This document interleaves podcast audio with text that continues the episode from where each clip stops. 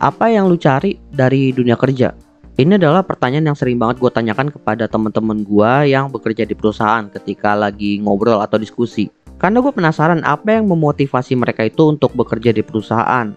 Apa yang mereka harapkan dari perusahaan. Dan menariknya, ketika gue menanyakan pertanyaan itu, jawabannya bisa dibilang meragam.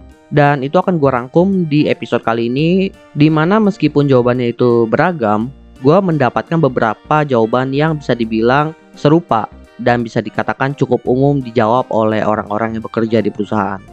Jadi apa yang mereka cari dari dunia kerja? Yang pertama, gaji yang besar. Karena tentunya kita itu kerja di perusahaan itu harus dibayarkan. Cuma memang bayaran kita itu dalam bentuk gaji nominalnya berbeda-beda setiap orang. Bisa saja gaji kita itu lebih kecil daripada teman kerja kita, bisa juga lebih besar. Dan biasanya nominal gaji ini dirahasiakan. Jadi kita cuma tahu besaran nominal gaji kita aja. Tapi pertanyaannya muncul, apakah nominal gaji yang kita terima itu cukup untuk kita? Cukupnya bukan dari segi kebutuhan ya, tapi lebih kepada cukup secara keinginan. Karena dengan nominal gaji yang cukup besar, kita itu bisa memenuhi keinginan kita, bisa memenuhi lifestyle. Dan kalau punya masalah keuangan, setidaknya bisa meringankan masalah tersebut. Dan caranya agar kita bisa mendapatkan gaji dengan nominal besar itu, yang paling umum adalah dengan berpindah kerja, berpindah perusahaan. Karena kalau bertumpu kepada kenaikan gaji per tahun itu, biasanya nominalnya di angka 5% aja. Sedangkan kalau kita pindah kerja, itu naiknya bisa sekitar 20 sampai 30%.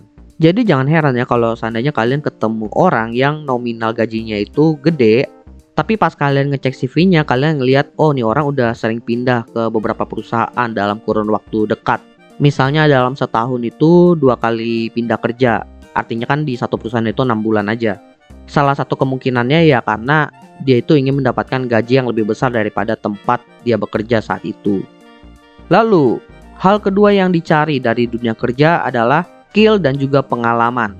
Biasanya skill dan pengalaman ini dicari sama angkatan fresh graduate karena dengan punya pengalaman kerja itu kita bisa memenuhi banyak requirement di lowongan pekerjaan sekarang yang butuh pengalaman kerja. Tapi ternyata nggak cuma fresh graduate yang butuh skill dan pengalaman baru. Banyak juga kok orang-orang yang berpengalaman itu masih mencari skill baru dan juga pengalaman baru di tempat lain. Biasanya orang-orang seperti ini itu tipe yang suka banget dengan self development atau personal development. Menariknya ya, dengan punya skill baru dan pengalaman baru ini, dari pengalaman gua dan juga cerita orang-orang itu dapat memungkinkan orang untuk bergeser posisi pekerjaan. Dengan konteksnya di sini masih di sekitar bidang yang dia tekuni. Bentuknya itu bisa promosi, bisa juga ganti job desk. Misalnya, lu itu seorang yang bekerja di industri IT sebagai seorang programmer.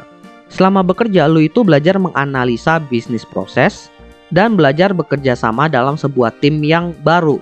Di mana notabene-nya lu itu dulu seorang yang bekerja sendiri. Dan selama berjalan ternyata lu itu punya potensi. Di mana lu itu ternyata jago menganalisa bisnis proses dan lu bisa berkomunikasi dengan tim bekerja sama dengan baik. Kalau lu dapat promosi, lu itu bisa menjadi seorang manajer yang memanage tim lu. Tapi yang cukup nyata dan sering gue denger itu adalah orang-orang itu berpindah kerja ke perusahaan lain tapi job desknya berbeda. Di perusahaan A lu itu seorang programmer tapi karena lu udah pernah menganalisa bisnis proses, di perusahaan B lu melamar sebagai sistem analis. Jadi bisa dibilang masih seputaran IT tapi job desknya aja yang beda. Lalu hal ketiga yang dicari dari dunia kerja adalah networking atau koneksi. Ini jelas ya kalau lu bekerja di sebuah perusahaan, lu itu kan berkomunikasi dengan tim lu. Lu menjalin sebuah relasi, relasi kolega kerja. Membangun sebuah trust berdasarkan skill dan juga expertise lu. Tapi ketika lu berpindah perusahaan, nggak semata-mata hubungan lu dengan kolega kerja lu yang lama di perusahaan lama itu putus. Lu bisa menjalin hubungan baik dengan mereka meskipun lu udah kerja di perusahaan yang lain gue pernah bahas juga tentang seberapa pentingnya networking itu di mana kalau kita punya network atau relasi dengan orang lain, kita bisa mendapatkan benefit dari relasi itu. Kita bisa mendapatkan opportunity baru, kita bisa dipertemukan dengan relasi miliknya yang lain, dan kalau lu masih satu perusahaan dengan network lu, lu bisa mendapatkan kesempatan promosi. Intinya networking ini akan memberikan benefit lu di masa depan nanti, cuma lu nggak tahu kapan. Tapi intinya dengan memperluas network yang lu miliki, opportunity yang lu miliki itu akan semakin besar. Dari segi kasus bisa dilihat banyak juga tuh startup founder yang sukses itu co-foundernya adalah kolega kerja dia di perusahaan dia yang lama. Tokopedia aja itu investornya bos dia di perusahaan dia yang lama. Ada juga yang bikin bisnis co-foundernya itu adalah teman dari teman kantornya dia, di mana diperkenalkan dalam sebuah acara gitu. Dan menariknya lagi nih, networking itu bukan cuma relasi dengan teman kantor aja, tapi juga bisa relasi dengan klien. Orang yang kita berikan jasa atau servis kita dan mereka itu melihat kita itu punya potensi, servisnya dan juga output kita itu bisa dikatakan menurut mereka baik sehingga mereka mengajak untuk kolaborasi. Lalu hal keempat yang dicari dari dunia kerja adalah safety atau keamanan. Kalau kita bicara soal safety atau keamanan pribadi ya, itu nggak cuma sekedar gaji. Karena gaji yang besar itu belum tentu menjamin keamanan lu.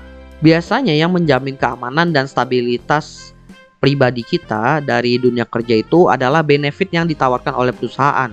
Misalnya insurance atau asuransi.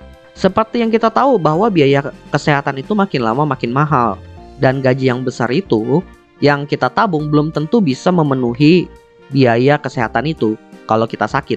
Makanya, perusahaan yang menawarkan benefit seperti asuransi ini memberikan keamanan bagi karyawannya. Dan biasanya perusahaan-perusahaan yang menawarkan insuransi ini ada dua jenis sih. Yang menawarkan insurans atau keamanan kepada karyawannya aja, ada juga yang menawarkan keamanan kepada karyawan dan juga keluarganya. Dengan begitu, dari masalah biaya kesehatan itu udah di cover asuransi sehingga tidak menyentuh gaji milik si karyawan. Ya kalau menyentuh paling cover sebagian lah, nggak sepenuhnya. Sebenarnya kalau kita bicara soal safety atau keamanan atau stabilitas dari karyawan, pastinya ujung-ujungnya itu ke arah finansial atau keuangan. Tapi bentuknya itu udah bukan uang cash, melainkan bentuk-bentuk lain. Di mana bentuknya itu sebagai penjamin elu sehingga lu itu bisa bekerja maksimal nantinya. Contoh lainnya selain insurance tadi ada juga akses pemilikan rumah di mana nanti perusahaan itu ngebantu kita untuk bisa beli rumah dengan berbagai kemudahan. Misalnya, pembayaran KPR-nya itu langsung dipotong dari gaji kita, sehingga minim kemungkinannya kita itu untuk telat bayar KPR. Selain itu ada juga keringanan bunga KPR bagi karyawan. Sehingga kalau dihitung-hitung itu, biaya cicilan kita bisa lebih murah daripada orang yang bekerja di luar perusahaan tempat kita bekerja yang memang kalau menawarkan keringanan KPR itu ya. Kemudian ada juga benefit berupa saham perusahaan. Nah ini yang bisa dibilang lagi hangat-hangat nih. Di mana kayak kemarin kasusnya di Goto ketika IPO itu driver Gojek dapat saham. Sebenarnya dibilang safety enggak sih kalau dilihat nominal sahamnya itu kecil. Tapi itu salah satu benefit yang bisa dikatakan menjadi dana darurat ketika memang lagi dibutuhin bisa ditarik. Ada juga benefit lain kayak uang transport, uang komunikasi, di mana bisa dibilang uang transport itu apalagi untuk kantor yang WFO lumayan gede sekarang. Belum lagi nanti kalau seandainya ERP jalan. Uang transport itu jadinya sangat membantu sih meringankan kita. Intinya ya kalau lu tipe orang yang mencari keamanan dari dunia kerja, biasanya yang lu lihat itu adalah benefit yang diberikan oleh perusahaan tempat kita bekerja. Dan rata-rata yang menawarkan benefit-benefit seperti itu ya perusahaan korporat sih. Tapi nggak menutup kemungkinan ya perusahaan startup memberikan benefit yang gede juga seperti itu. Jadi itulah beberapa hal yang biasanya dicari oleh orang-orang atau pekerja dari dunia kerja atau perusahaan tempat mereka bekerja. Kalau kalian sebagai pekerja kantoran, apa yang kalian cari dari dunia kerja? Apakah uang? Apakah network? apakah skill dan pengalaman atau mungkin kalian mencari keamanan. Ya, nggak ada yang salah, nggak ada yang benar. Balik lagi ke motivasi dan prioritas kita masing-masing. By the way, jangan lupa follow Instagram Opsiana Podcast di @opsiana_media karena di situ akan ada informasi-informasi menarik seperti update dari Opsiana Podcast dan konten-konten menarik lainnya yang pastinya nggak boleh terlewatkan oleh teman-teman. Oke, gua rasa itu aja. Thank you buat teman-teman yang sudah mendengarkan. See you next time di Opsiana Podcast episode lainnya. Bye semuanya.